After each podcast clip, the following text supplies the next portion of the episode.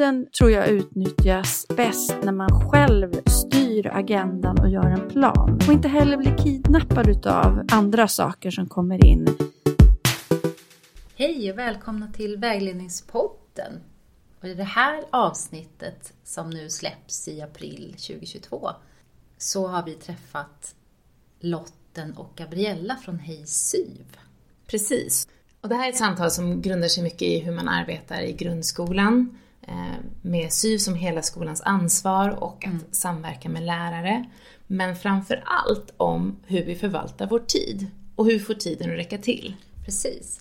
Och till saken hör att Gabriella är ju gammal lärare och eh, Lotten är studievägledare så att de har ju startat eget. Eh, så Hej Syv arbetar mot grundskolan väldigt mycket. De mm. kommer ju berätta mer själva. Men det jag tänkte på är att de också arbetar, kan man säga som lite, jag tror att jag säger det också i avsnittet, att, att de är lite som någon slags eh, konsulter. Ehm, processleder, dels vägleder individuellt i hur de kan processleda elever i, eh, och liksom ta in hela skolans ansvar och, och samverka med lärare kring det.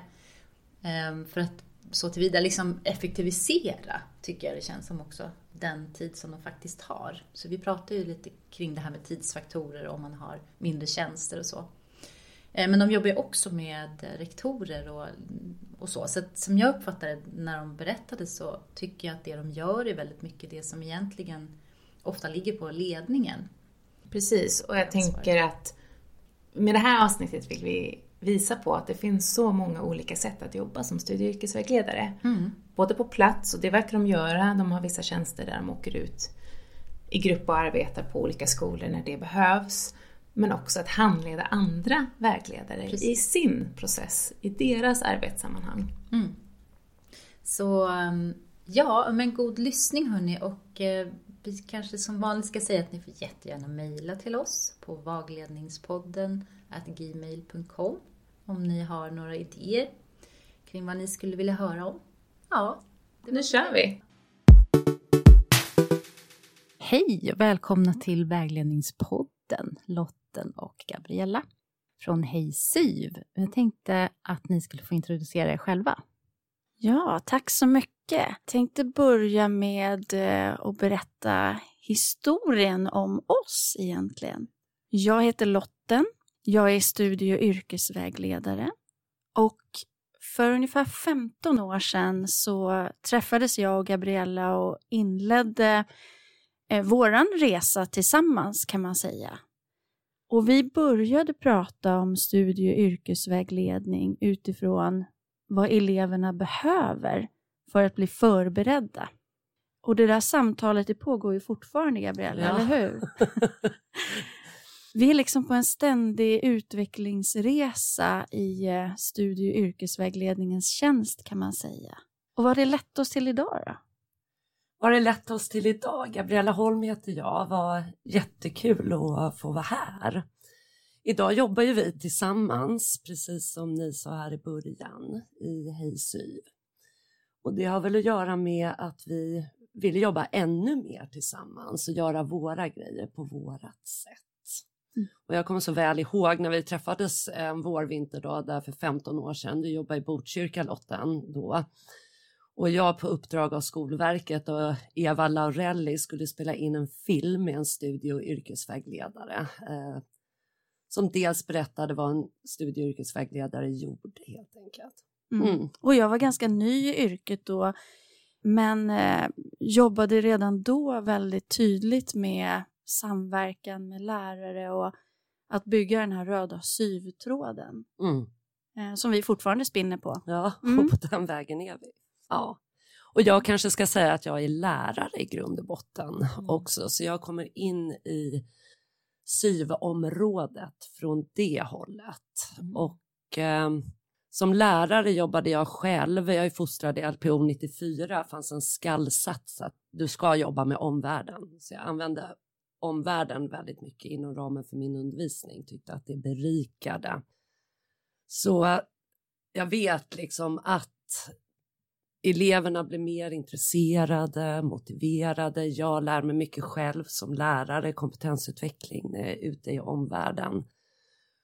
Och sen inom olika skolutvecklingsprojekt då, samverkan skola arbetsliv, att man vet att det är möjligt att liksom där koppla på studie och yrkesvägledningen som är hela skolans uppdrag.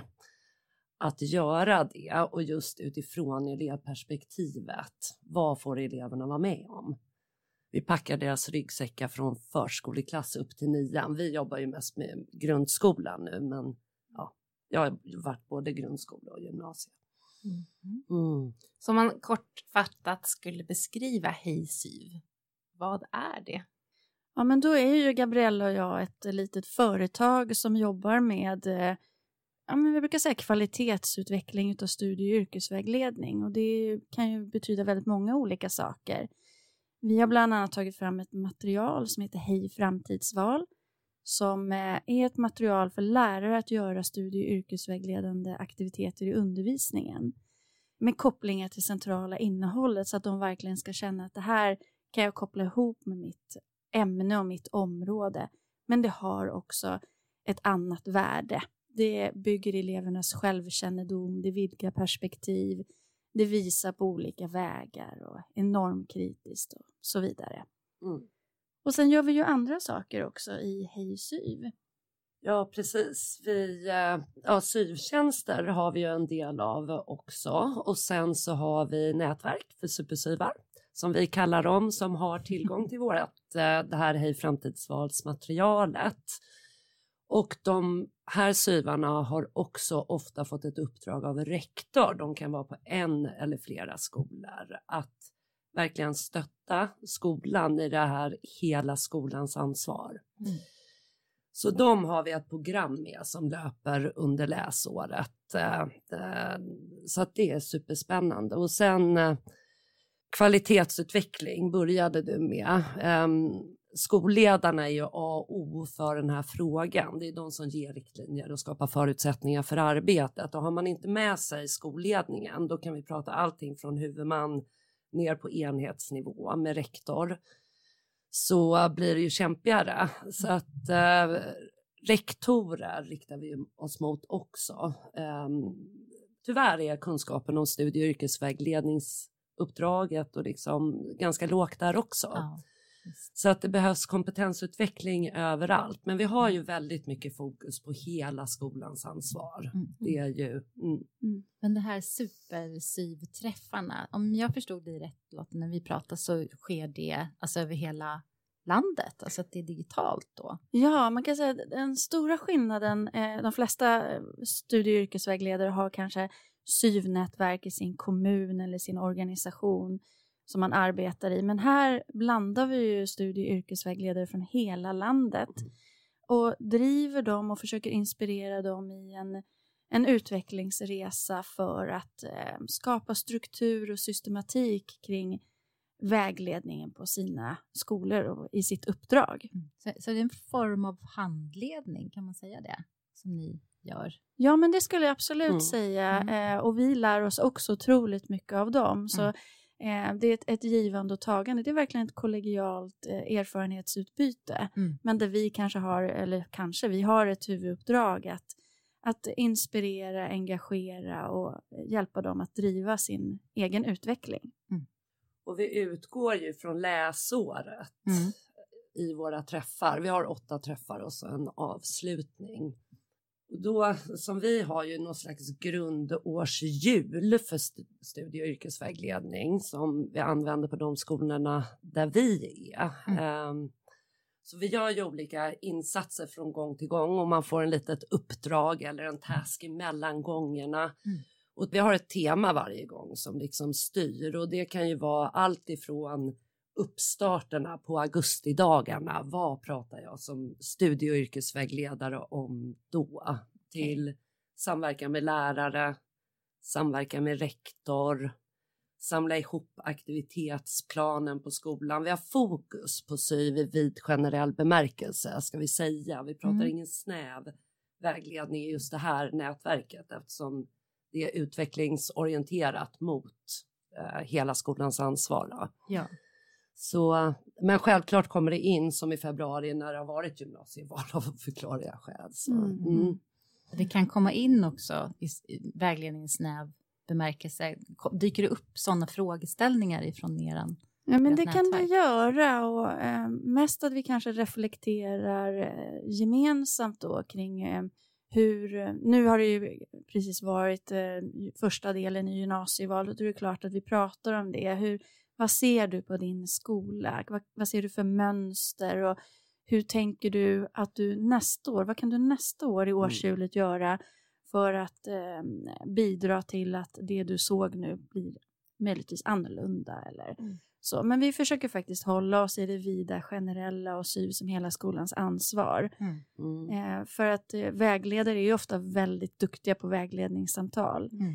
Och, och det är ganska paradoxalt för när vi träffar vägledare och vi frågar dem vad är det för kompetensutveckling ni önskar så säger de ofta samtalet, Mm. att det är Mm. delar i det. Ja, det är det jag tänker också. Ja, men, det, men, men vi upplever ju när vi pratar med vägledare sen att det är de andra delarna som man behöver mer stöd i. Egentligen. Att äga sin Mm. tid och projektleda till exempel. Just det.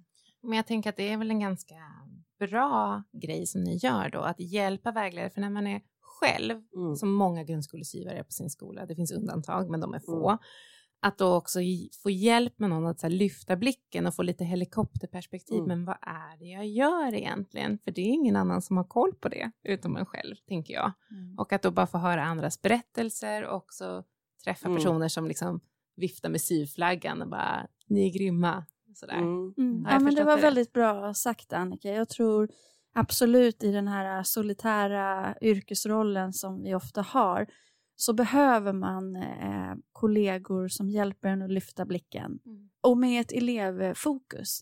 Vad är det egentligen jag kan göra för att mina elever ska få den bästa framtidsresan? Mm. Ja, och jag tänker det som är uppskattat också eftersom vi går över ett helt läsår så är det alltid lite reflektionstid. Mm. Vad har jag gjort sedan sista gången vi träffades? Vad kan jag göra, som Lotten sa, annorlunda nästa år för att göra det ännu bättre? Och hur ser jag framåt till vi ska träffas igen? Vi börjar varje gång med att göra en skattning av syverksamheten. Vi har tagit fram en skattning med 11 indikatorer Okej. som vi skattar. Eh, ofta är ju vägledarna ansvariga för flera skolor eh, också, så man gör en per skola. 11 indikatorer skattar 1 till 6 bara för att på något sätt få syn på hur funkar verksamheten. Och där sätter vi också upp mål för läsåret. Vad är det för positioner vi ska flytta fram? Vad är det som ska bli bättre? Mm. På skolan eller hos mig själv kan ju det också vara. Så hela tiden varje gång jobbar vi ju då, reflekterar tillbaka och sen också tittar eh, framåt. Vad är det för små, små steg jag tar mot mina mål nu som jag skrev här i början av terminen? Okej, så det är individuellt. Men skattningsfrågorna, är de, de samma hela tiden eller ja, har ni utformat dem? Ja, de har vi utformat i förväg. Så Mm. vi har en skattning som vi brukar köra med SYVar, alltså om man är studie och Mm. yrkesvägledare. Vi har en med rektorer och vi har en med huvudmän. Okej. För det är ju lite olika roller i mm. SYV-uppdraget. Men då har vi den där nollmätningen från början. När vi kör igång i augusti följer vi upp sen i eh, maj. Mm. Så att den är individuell som var och en liksom tar del av och tänkt som ett stöd liksom för vägledaren på sin skola och i sina verksamheter. Mm. Men vi gör också en sammanställd skattning för gruppen Ja, som vi liksom följer. Mm. Och förra året, vi körde igång för två år sedan, så förra året så blev det ju en väldigt bra utväxling. Liksom. Man Mm. kan ju räkna poäng på den här skattningen. Mm. Okej. Men lite mer för att få syn på vad är det egentligen för område vi pratar kring. Mm. Liksom. Vad är det vi fokuserar på här i den här Mm. gruppen Mm. och i det här nätverket. Men också göra det mätbart. Ja, det blir mätbart. Det, Och också att man kan välja ut då vilket område, vilket mål som man kanske vill prioritera. mm, Vi kan kanske inte göra allting samma år, men vi startar med den här biten. Den är viktigast för mig på min skola just nu. Just. Och jag menar, glädjande nog så är det ju väldigt många utav våra vägledare som säger att, eh, att förbättra samverkan med lärare eh, är liksom, den är viktig. mm. Mm. det är en indikator. Mm. Mm. En annan indikator eller en som liksom är helt avgörande för att det ska funka, det är personalens, alltså alla som jobbar på skolan, kunskap om rådande föreskrifter och det är ju skollag, läroplan och allmänna råd. Skattar man 1 till 6, där 1 är urdåligt och 6 är jättebra. Okay. Ofta ser vi ju skattningarna att det ligger väldigt, väldigt lågt där och det här är någonting man måste ta för det är mm. nästan helt omöjligt att ha en syvdiskussion på skolan om inte alla kommer upp i samma kunskapsnivå för mm. då sitter alla och pratar om olika saker. Ja. Och hur gör man då det? Är det på augustidagen eller vecka 44 dagen eller en APT? Så liksom, men jag tycker de här indikatorerna är väldigt bra. Mm. Innehåller också upp, liksom stöd från rektor. Mm. Skatta 1 till 6. Och likaså um, upplever du att um, du vet vad du ska rapportera till rektor till exempel. Mm. Och likadant för rektor så är frågan ja. då, vet du vad du ska rapportera eller finns det någonting som du ska rapportera till huvudman? Mm. Eh, så, Men har ni med rektorer också då i de här eller är de här eh, supersyvarna bara för syvare eller? Det är bara för syvare. Det är bara för syvare. Ja, mm. alla har rollen som syv. Mm. Det är liksom gemensamma nämnaren och sen så har de tillgång då till Hej framtidsval. Så, och allt det här materialet ligger i Hej framtidsval. Vi har ju också en del där i som riktar sig mot skolledare. Mm. Hej huvudman eller hej rektor. Och här i ligger den här typen av skattningar, enkäter, en tiostegsmodell för utveckling. Tanken är liksom att skolan själv ska kunna utveckla under en termin eller ett läsår. Mm. Och sen det här lära materialet. Men det är ju bara i genomförandefasen med eleverna. Liksom. Mm. Man måste sätta frågan på skolan. Gör man inte det så är det väldigt svårt. Vi kanske skulle ha så här diplomerande eh, supersyvrektor. Ja, ja. Superrektorerna. Ja. Nej, men vi har jobbat med rektorsgrupper i kommuner som liksom, vi har ju faktiskt gjort det, mm. ett gäng där hela huvudmannen liksom vill att rektorerna måste få upp kunskapen för att de ska kunna ge riktlinjer och skapa förutsättningar för jobbet på sin skola. Mm. Men då har vi gjort en trestegsraket så att det är tre tillfällen vi har träffats på. Mm. Det låter ju som det här arbetet som ni gör är en del av alltså en ledarskapsutveckling också, eller en mm. form av struktur för ledarskap på flera olika nivåer på något sätt. Både i det, liksom för syven själv, i mm. projektledning och mitt eget arbete, men också på de här, alltså på rektorsnivå och huvudmannanivå. Mm. Mm. Att ni tillhandahåller någon form av formula för det, hur man kan jobba. Det, Mm. det, det, är min reflektion som, som just har haft liksom, chefsroll själv, att det, det där satt ju jag och gjorde själv. Mm. Och liksom, det låter ju fantastiskt att få det stödet. Jo, men det behövs ju. Eller, som, jag upplever ju att studie och yrkesvägledningen i Sverige tar liksom två steg fram och ett och ett halvt tillbaks. Liksom, så länge nu kring den här frågan. Jag var med i referensgruppen på grundskolans kvalitetsgranskning av studie och yrkesvägledningen 2012-13. Och då bad man ju alla huvudmän och skolor att skicka in dokument innan. Det var ingen som kunde skicka in någonting. Mm. Och alla fick samma nedslag. Det är inte hela skolans ansvar. Det är omfattande brister i styrning och ledning. Man jobbar inte aktivt kopplat till begränsningar, alltså bakgrund, kön, social och kulturell bakgrund. Och så såg det väl ut lite då. Nu tycker jag ändå man kan säga. Sen har jag liksom jobbat mycket med att stötta regioner och kommuner att ta fram sådana här övergripande planer för Mm. studie och yrkesvägledning. Det verkar ju ändå ha tagit fart lite mer. Det tycker jag verkligen Mm. att det har gjort. Så det brukar vi trösta oss med lite grann. Att nu finns det i alla fall skrivningar. Man kan kalla den huvudmannaplan eller riktlinje eller strategi. Men sen så är liksom frågan, ligger den där och dammar eller är den implementerad? Just Hur lever den liksom? Ja. För det märker ju vi också, eh, du pratade om den här dansen fram och tillbaka, Mm. att eh, det har ju en tendens att dö ut eh, efter de här olika satsningarna. Eh, och det är väl där vi vill göra våran lilla ehm, eh, vårt lilla jobb i att eh, hjälpa vägledarna att fortsätta driva arbetet och att Mm. äga det. Eh, och se till att den utvecklingen som man har syftat till fortlever. Ja. Och därför tycker vi också att det är så viktigt att inte eh, liksom bara jobba på de här positiva lärarna som guldkornen som liksom vill göra, utan att hitta ett sätt som är systematiskt, strukturellt, så att det inte är beroende av personer. Mm. Jag har själv upplevt det som vägledare att eh, när jag slutar, jag tror att vi har byggt in ett arbete som fungerar, så bara eh, dör verksamheten. Mm. Eh, ha, den var så beroende på mig och mitt engagemang. Mm. Så vi försöker jobba mycket mer på hur kan du bygga in en struktur som gör att det här arbetet lever självständigt. Mm. Ja, men för att har man en struktur då är det inte personberoende och det är någonting som vi pratar väldigt mycket om där jag jobbar för jag tycker verkligen det. Eldsjälar bränner ut sig. Det mm. spelar ingen roll om jag är världens bästa syv om personen som kommer efter mig inte kan vara det för den har en annan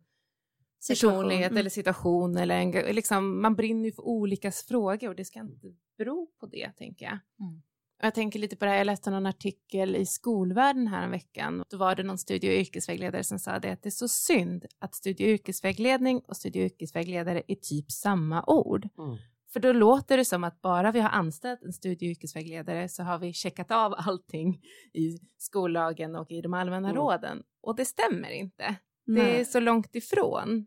Nej, men där, och det, där, jag kan berätta en liten historia om det vi gjorde faktiskt nere i Malmö kommun i ett rektorsområde. En, en liten satsning där vi kompetensutvecklade rektorer och pratade med dem om studie och yrkesvägledning. Och det var lite blandat. Det var eh, rektorer som hade F-9-skolor och det var någon rektor som hade en F-6-skola bara.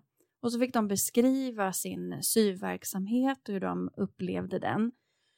Och då så reflekterade rektorn som hade F-9-skolan när han hörde på sin kollega eh, som bara hade elever upp till årskurs 6 att det hände mycket mer på hennes skola än det gjorde på hans skola där vägledaren så att säga bara jobbade mot högstadiet. För han inte heller styrde, ledde och organiserade vägledning i lägre åldrar. Mm. Eh, så det var verkligen en ögonöppnare för honom när han insåg mm. det här bara, men oj, det händer ju mer på din skola fast du inte har en studie och yrkesvägledare. Mm. Just det. Men jag vill gärna koppla tillbaka till det här eh, du säger Annika, för att det är precis så. Alltså studie och yrkesvägledning och studie och yrkesvägledare brukar ju dela upp det och skriva området studie och yrkesvägledning med stora versaler och studie och yrkesvägledare som rollen med små, bara för att på något sätt eh, dela upp det. Och eh, det råder en begreppsförvirring ja. som är så otroligt liksom onödig mm. och allting som kommer till skolan som när nya allmänna råden kom, nu kom de 2013 liksom. Mm. De åkte direkt till syvens fack fast det är liksom i rektorsrummet de ska ligga, det är lärarnas arbetslagsrum och även självklart hos syven. Men just det här med struktur och systematik, att arbetet inte faller. Enda sättet där vi ser nu, där arbetet blir långsiktigt hållbart, det är där man har fått in det i det systematiska kvalitetsarbetet. Alltså okay. där studie och yrkesvägledningen är med. Mm. Det efterfrågas på huvudmannanivå ner till eh, enhetsnivå och skolledarna, rektorerna och att rektorerna efterfrågar från personalen. Mm. Och sen gäller det att ha de där rollerna väldigt tydligt. Vad är huvudmannens roll? Vad är rektors roll? Vad, vad ska lärare och fritids göra? Och vad ska syven göra? Mm. Och så måste man ju resonera kring det liksom och verkligen ifrågasätta, gör vi rätt saker? Komma tillbaka till elevernas behov och gör vi liksom rätt saker för eleverna här mm. där vi är? Så tycker jag. Jag tänkte på det i Saras avsnitt, hon pratar om en kartläggning. De begreppen, kartläggning eh, eller inventering, jag tycker liksom man kan ju kartlägga på det sättet kring elevernas behov som sidan eh, 13 i allmänna råden. Den här bilden, studie och yrkesvägledning ska genom samtal, information och undervisning tillgodose elevernas behov. Får man göra en kartläggning av elevernas bakgrund som Lotten, du som har jobbat i Hovsjö, mycket mm. arbetslösa liksom, eh, föräldrar och så vidare. Eller när jag jobbar i ett medelklassområde i Haninge, mycket egenföretagare och liksom ganska gott ställt. Vad innebär det för vår skolas studieyrke? Där måste man mm. göra en, en slags kartläggning. Kring vilka behov som faktiskt finns? Ja, hos eleven. Man jobbar. kan ju inte göra, när vi jobbar med huvudmän, då vill man ju ofta åt en likvärdig studie och yrkesvägledning oavsett skola, men för den skulle inte likformig.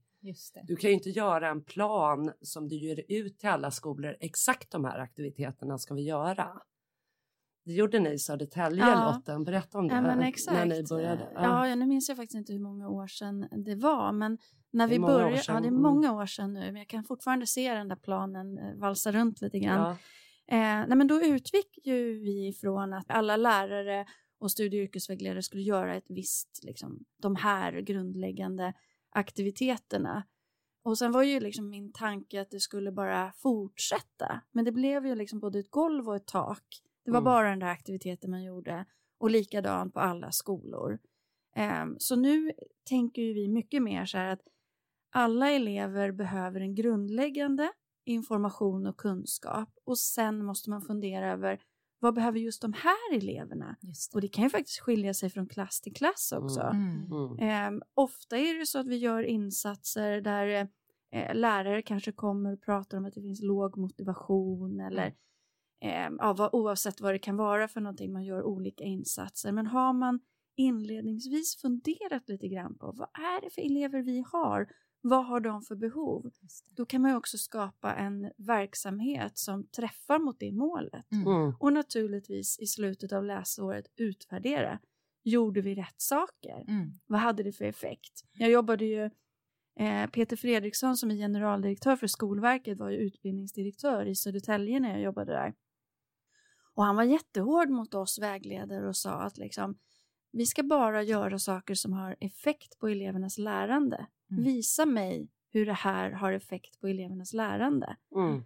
Och det gjorde att vi fick börja tänka på det mycket mer. Inte bara göra saker som vi tänkte det här behöver eleverna utan verkligen fundera över vad är det de behöver och hur skapar vi det? Ja, mm. det blev ett mål med se lärandet i mm. fokus där. Mm. Mm. Man bygger en process. Ja vad gör vi på lågstadiet som bygger mot mellanstadiet, som bygger mot mm. högstadiet? Och sen har man målet mm. i Lgr 11 som nu blir 22. Mm. Eleven ska kunna göra ett underbyggt gymnasieval och där har du övergången. Mm. Och så fortsätter man i gymnasiet mm. och sen efter gymnasialt.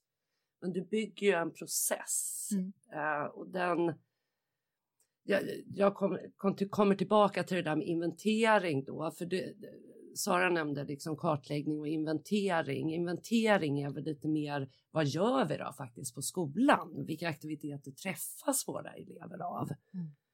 Och här gör ju lärarna jättemycket fast de inte tänker på att det är studie och yrkesvägledning. Så det kan ju bli ganska positiv stämning när mm. man har bjudit in föräldrar, man är ute på studiebesök och man jobbar med identitet och man gör massa saker.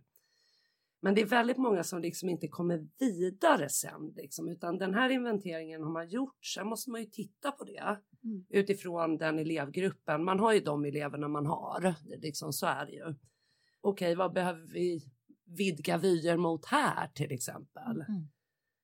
Om föräldrarna inte ens går till jobb Liksom. Mm. Vad är det vi måste börja med här kontra en högstatusskola där mm. alla föräldrar har eftergymnasial utbildning mm. och tjänsteman. Vad är det vi måste vidga mot här? Mm. Det är de som blir liksom spännande när man kommer dit. Men det är inte så många som liksom... Men jag tror kommer... att det kan låta, liksom, förlåt att jag ja, avbröt, men jag tänker nej, så här, Um, det är det som kan låta läskigt med studie och yrkesvägledning. Man är själv och så tror man så här, men då måste det handla om massa workshops som jag ska göra och jag ska göra massa insatser. Men det du beskriver, det är ju egentligen att det kan också vara väldigt små justeringar. Mm. Alltså att man behöver inte ta fram hammaren, ta fram skruvmejseln istället, tajta till någon skruv. Mm. Och där ser vi ju hur det kan förändra en hel skolverksamhet om även matteläraren lyfter perspektivet från att de ska få betyg till och vad ska de använda matten till sen mm, yes. och vad ska man använda biologin till sen eller identitet, vad, vad kan det och det behöver man inte vara värsta grejen egentligen. Nej. Små, små justeringar gör jättestora skillnader och kan man dessutom visa på det högre upp till rektorer och huvudmän, Kaching, Mm. liksom. Mm. Ja. Ja, men precis så är det. Mm. För någonting som vi pratade om innan var ju just det här, äh, temat för hela den här terminen är ju struktur inom studie och yrkesvägledning. Och vi pratar om det här, äh, men hur mycket tid får då studie och yrkesvägledning ta? Hur går diskussionerna hos er då? Är, det, är studie och yrkesvägledning någonting som tar mycket tid eller inte tar tid? Nej, men eh, studie och yrkesvägledning ska ju självklart ta tid. Sen kan man ju fundera mycket över det där tidsbegreppet och vad man gör med sin tid. Vi kan komma till det strax. Men, eh, men jag tror att vi vägledare är väldigt hjälpta av att skapa oss ett årshjul och planera vår verksamhet. Vi vet ju liksom ungefär vad som kommer hända under året. Och vägledarens jobb handlar ju också om eh, stödet till årskurs 9 som ska göra ett gymnasieval. Eh, så där vet vi ju exakt vad som ligger och vad vi skulle behöva göra där. Men då kan man också se i det där årshjulet var det finns tid och luckor att göra andra aktiviteter med andra årskurser och andra elever. Många vägledare pratar ju till exempel om Eh, språkvalet i årskurs 5 när man ska välja modernt språk. Det är en alldeles utmärkt ingång att prata om val och väljande och valkompetens. Men det ges ju också tid och möjlighet att gå in i fler årskurser och inte minst då skapa samverkan med lärare som man kan bygga på. Att de har gjort någonting, eh, man kom, vi kommer in och sen fortsätter de med någonting så det blir liksom en trestegsraket till exempel som kan ge så otroligt mycket, mycket effekt. Så eh, tiden tror jag utnyttjas bäst när man själv styr agendan och gör en plan för sin verksamhet och inte heller blir kidnappad av andra saker som kommer in. Eh, jag vet nu till exempel i den situationen vi är nu eh, så hör jag vägledare som får frågan om de kan liksom ha flyktingsamordnarroll på skolan eller eh, det kan vara hjälpa till med nationella proven eller så, utan att vi styr agendan. Eh, och vi pratar ju mycket med de vägledare som vi träffar Mm. om det här med tiden, eller hur Mm. Gabriella? För tiden, man har alltid i skolan ont om tid och resurser. Amen. Ja, så eh, jag känner igen det som lärare också liksom och om man jobbar med skolutveckling så får man alltid det. Men man kan ju börja fundera på sin tid och vi gjorde faktiskt med supersyvarna en liten övning. Så kan man ju skicka med så kan ni lyssnare också kanske göra en liten övning. Eh, övningen heter Vad gör du med 22,5 dagar? Och då var förutsättningarna att du jobbar på en skola, vanlig F till 9 skola och nu ska du även stötta tre matarskolor eller småskolor, alltså F-6 skolor. De är två parallella, alla tre. Det finns en biträdande och en vanlig rektor på varje, två arbetslag. Och vad gör du med tiden 22,5 dagar när du ska stötta de här F till sexskolorna. Hur mycket tid lägger du till för alltså planering innan och efterarbete? Hur mycket tid lägger du med rektor, lärare, elever, kanske något helt annat? Och varför vi just valde 22,5 dagar, det är för att det är 10 procent av en heltidstjänst. Så att, eh, men jag vet inte Lotten, som du tänker i alla fall i ditt SIV-årshjul, upplever ju du att det finns ganska bra med tid att jobba just med lägre åldrar, säg september innan vägledningsavtalen drar igång och ganska mycket nu också va? Nu är vi inne i mars. Mm. Ja. Ja, det beror ju helt på hur stor skola man har, hur Mm. många elever man har i årskurs 9. Men jag menar direkt efter eh, det preliminära valet här i februari så har vi ju en liten eh, låg period fram tills omvalsperioden startar och den tycker jag är utmärkt för att eh, gå ut och jobba med lägre åldrar. Och de här eh, 22,5 dagarna som vi pratar om, en 10 procentare, det är ändå 180 timmar. Mm. 180 timmars arbete Mm. som man kan planera ut. Eh, och det har varit väldigt intressant när vi har haft diskussioner med vägledare om det. För att det är ju oerhört provocerande eh, som profession när man ser annonser, platsannonser som lyser ut en 10% tjänst på en skola till exempel. Mm. Eller en 20% tjänst där man på en gång känner att det här är ju ärligt talat skitlite tid. Men när man börjar tänka efter hur många dagar det är och hur många timmar det är och om vi skulle styra över den tiden Mm.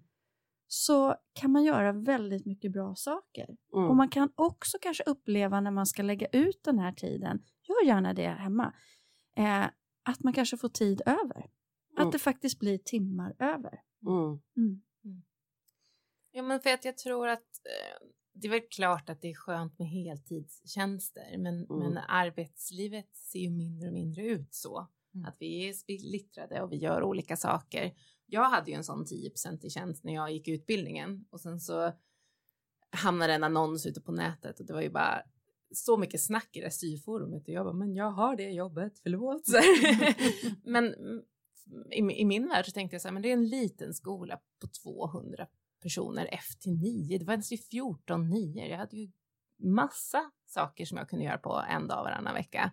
Ehm, men också att jag tycker att närvaron av en syv på plats skapar också mer smak. Så Mm. hade jag valt att vara kvar där, nu fick jag en heltidstjänst någon annanstans, så hade jag nog kunnat fått 20-25 helt plötsligt. Mm. Men att ofta sätter ju rektorer tjänster utifrån att de inte vet vad studie och yrkesvägledaren ska göra. Och Mm. vet man inte, nej men då spelar det ingen roll. Mm. Återigen. Eller skulle kunna göra. Mm. Ska göra, det tror jag att de har ganska bra uppfattning om vad det är de efterfrågar. De efterfrågar stödet till årskurs 9 eleverna, samtal, individuella samtal. Det har alla rektorer fattat att eleverna ska ha rätt till. Stöd till vårdnadshavare, med, vara med på något föräldramöte eller sådär. Och sen är det ju ofta praon. Mm. Där vi ju jobbar till exempel när vi har syvtjänstskolor eh, så jobbar ju vi med att lägga tillbaka praon i lärarnas knä. Så vi som vägledare jobbar inte med praon på annat sätt än att stötta lärarna kring hur de ska tänka, organisera. Vi kan vara med och göra risk och säkerhetsbedömning när alla blanketterna är inne. Men i övrigt så är det lärarna som bär ansvaret och arbetet kring praon. Mm. Så eh, jag är glad att du, att du fick den upplevelsen där med de där 10 procenten. För det kan ju vara så att man, om man har en heltidstjänst på en F-9-skola skulle jag ändå säga att man inte lägger så mycket tid på F-6-verksamheten. Mm. Och tänk då vad ändå 10 procent skulle göra Mm. om man öronmärkte eh, de där 10 procenten till F-6. Mm. Så det är vårt lilla tankeexperiment Mm. eh, som kan provocera eh, men eh, om man tänker efter så tror jag att man ser möjligheterna i det. Men det, jag har tänkt på, på det här mycket, just att det, det som ni beskriver nu också, att det är på något sätt ett glapp som ni jobbar i. Glapp mellan eh, vadet och huret, eh, som jag upplever det. Alltså, vad, vad ska göras och hur ska det göras? Och att där, det som också spelar in i själva rollen studieyrkesvägledare är att det gapar efter så mycket. Du ska vara proffs på samtal, och sen har du hela skalan, jag tror att det är 18 kompetenser eller något ska täcka in. Eh, ja, till liksom administration och, och de bitarna. Och sen att det oftast just den här okunskapen gör att man blir något slags eh, tratt för, eh, för allt möjligt. Kan inte du göra det här också? Så att jag tycker det är jättekul att höra och väldigt liksom positivt att ja, men fyll det själva. Liksom. Att vi, vi vill ju peppa med det här Ja, avsnittet. och att hela tiden ta tillbaka till elevfokus. Eh, när en rektor kommer och vill lägga på dig som vägledare ett uppdrag där du själv känner att eh, hur rimmar det här med min profession? Ställ den frågan till rektorn Mm, då. Ja, Mm. hur bidrar det här till eh, elevernas kompetenser kring studie och yrkesvägledning? Exakt. Och kan rektorn inte svara på det då, då är det ganska självklart att säga nej. Mm. Precis. Men jag tänker också just eh, eleverna, det, skolans verksamhet ska ju vila på forskning och beprövad erfarenhet. Och det, här har vi ju forskning kring studie och yrkesvägledning att många olika aktiviteter har bäst effekt. Mm. Och jag menar en studie och yrkesvägledare är ju ensam och kan bara springa så fort. Jag tycker självklart man ska syna sin egen tid och liksom titta vad man gör så man gör rätt saker. Men kan vi få lärarna som är så himla många Mm. att börja göra saker med eleverna så blir det jättemycket Mm. runt eleverna. Ja. det är ju där den stora utväxlingen kan ske. Jag menar som studie och yrkesvägledare kan man ju inte springa och göra massa saker i klass hela, hela, hela tiden, Nej. utan där är liksom nyckeln till framgång att stötta lärarna så pass att de gör.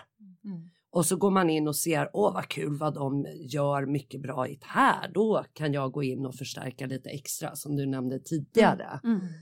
Men eh, lägga mycket krut liksom på den relationen för det är där blir mycket runt eleverna. Mm. mm. Men att se sig själv lite mer som en processledare mm. låter det ju som. Helt enkelt. Exakt. Processledare och inte räkna med liksom att någon annan ska kunna det här Nej. området utan det är ju en expertroll i skolan. Mm. Och man kan ju bara sugas upp och bli efterfrågad självklart och då måste man ju hitta system liksom för det. Mm. Jag tänkte som när vi säger att vi inte håller på med praon på våra skolor så är det ju ändå så att lärarna får prao-material av oss. Ja precis, ja. vi har ju skapat material och allt eh, material. blanketter och sånt som mm. man kan behöva. Det jag menade var ju bara att det inte är vi som springer på den bollen hela tiden. Eh, vi har gjort ett grundarbete, varsågod här finns ett smörgåsbord, använd det, vi stöttar hur du kan göra. Så. Mm. Nej, men, men, för och efterarbetet med eleverna så att praon liksom har någon slags kvalitet i ja, sig. Ja, och får liksom mm. att den hamnar i en kontext så att eleverna mm. får en större förståelse för arbetslivet och ökad kunskap om sig mm. själva och sina skills mm. liksom, i förhållande till vad som efterfrågas av arbetslivet. Såklart, ja, mm. verkligen. Mm. mm. Det som slår mig också att, att för att förbereda utifrån lärarperspektivet härifrån programmet, att förbereda våra studenter bättre, hitta sätt att göra det, förbereda dem på att just vara den här processledaren, det är det du ska vara och, och liksom höja deras eh, självförtroende i det. Men det jag sitter och tänker, jag vet inte vad ni, om ni har några funderingar kring det, men skulle man behöva förlänga studievägledarprogrammet till fyra år eller vad tänker ni?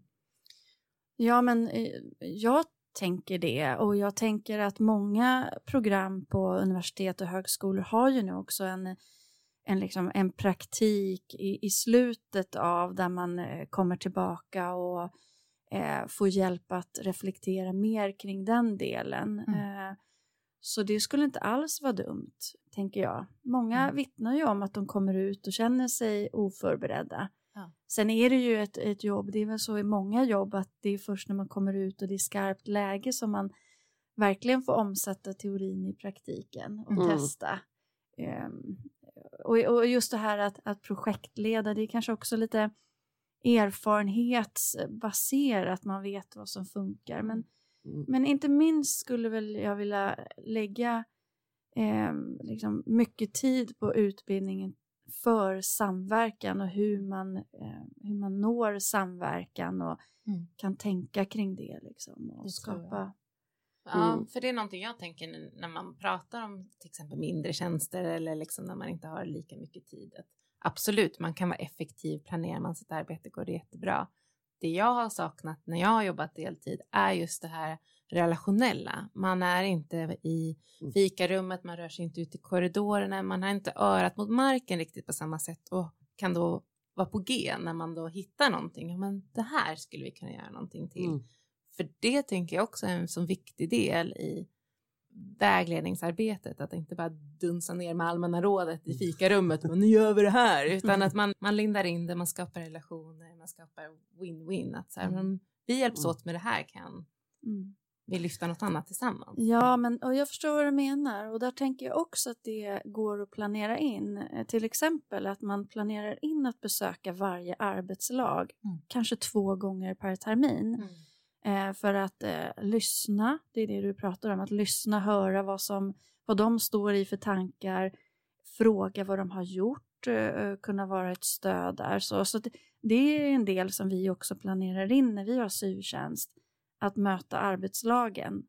Eh, och då brukar vi inleda läsåret med att, att man skapar en aktivitetsplan för terminen eller läsåret.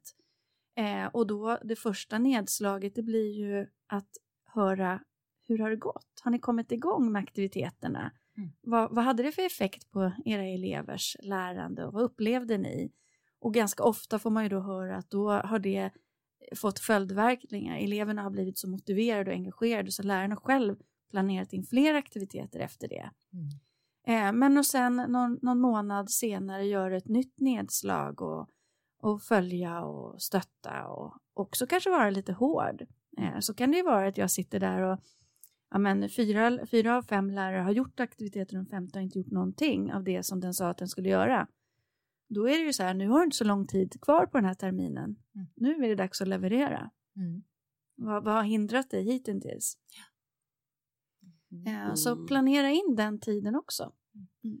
Men det är som ni säger, det är ju liksom en projektledning eller en processledning. Mm.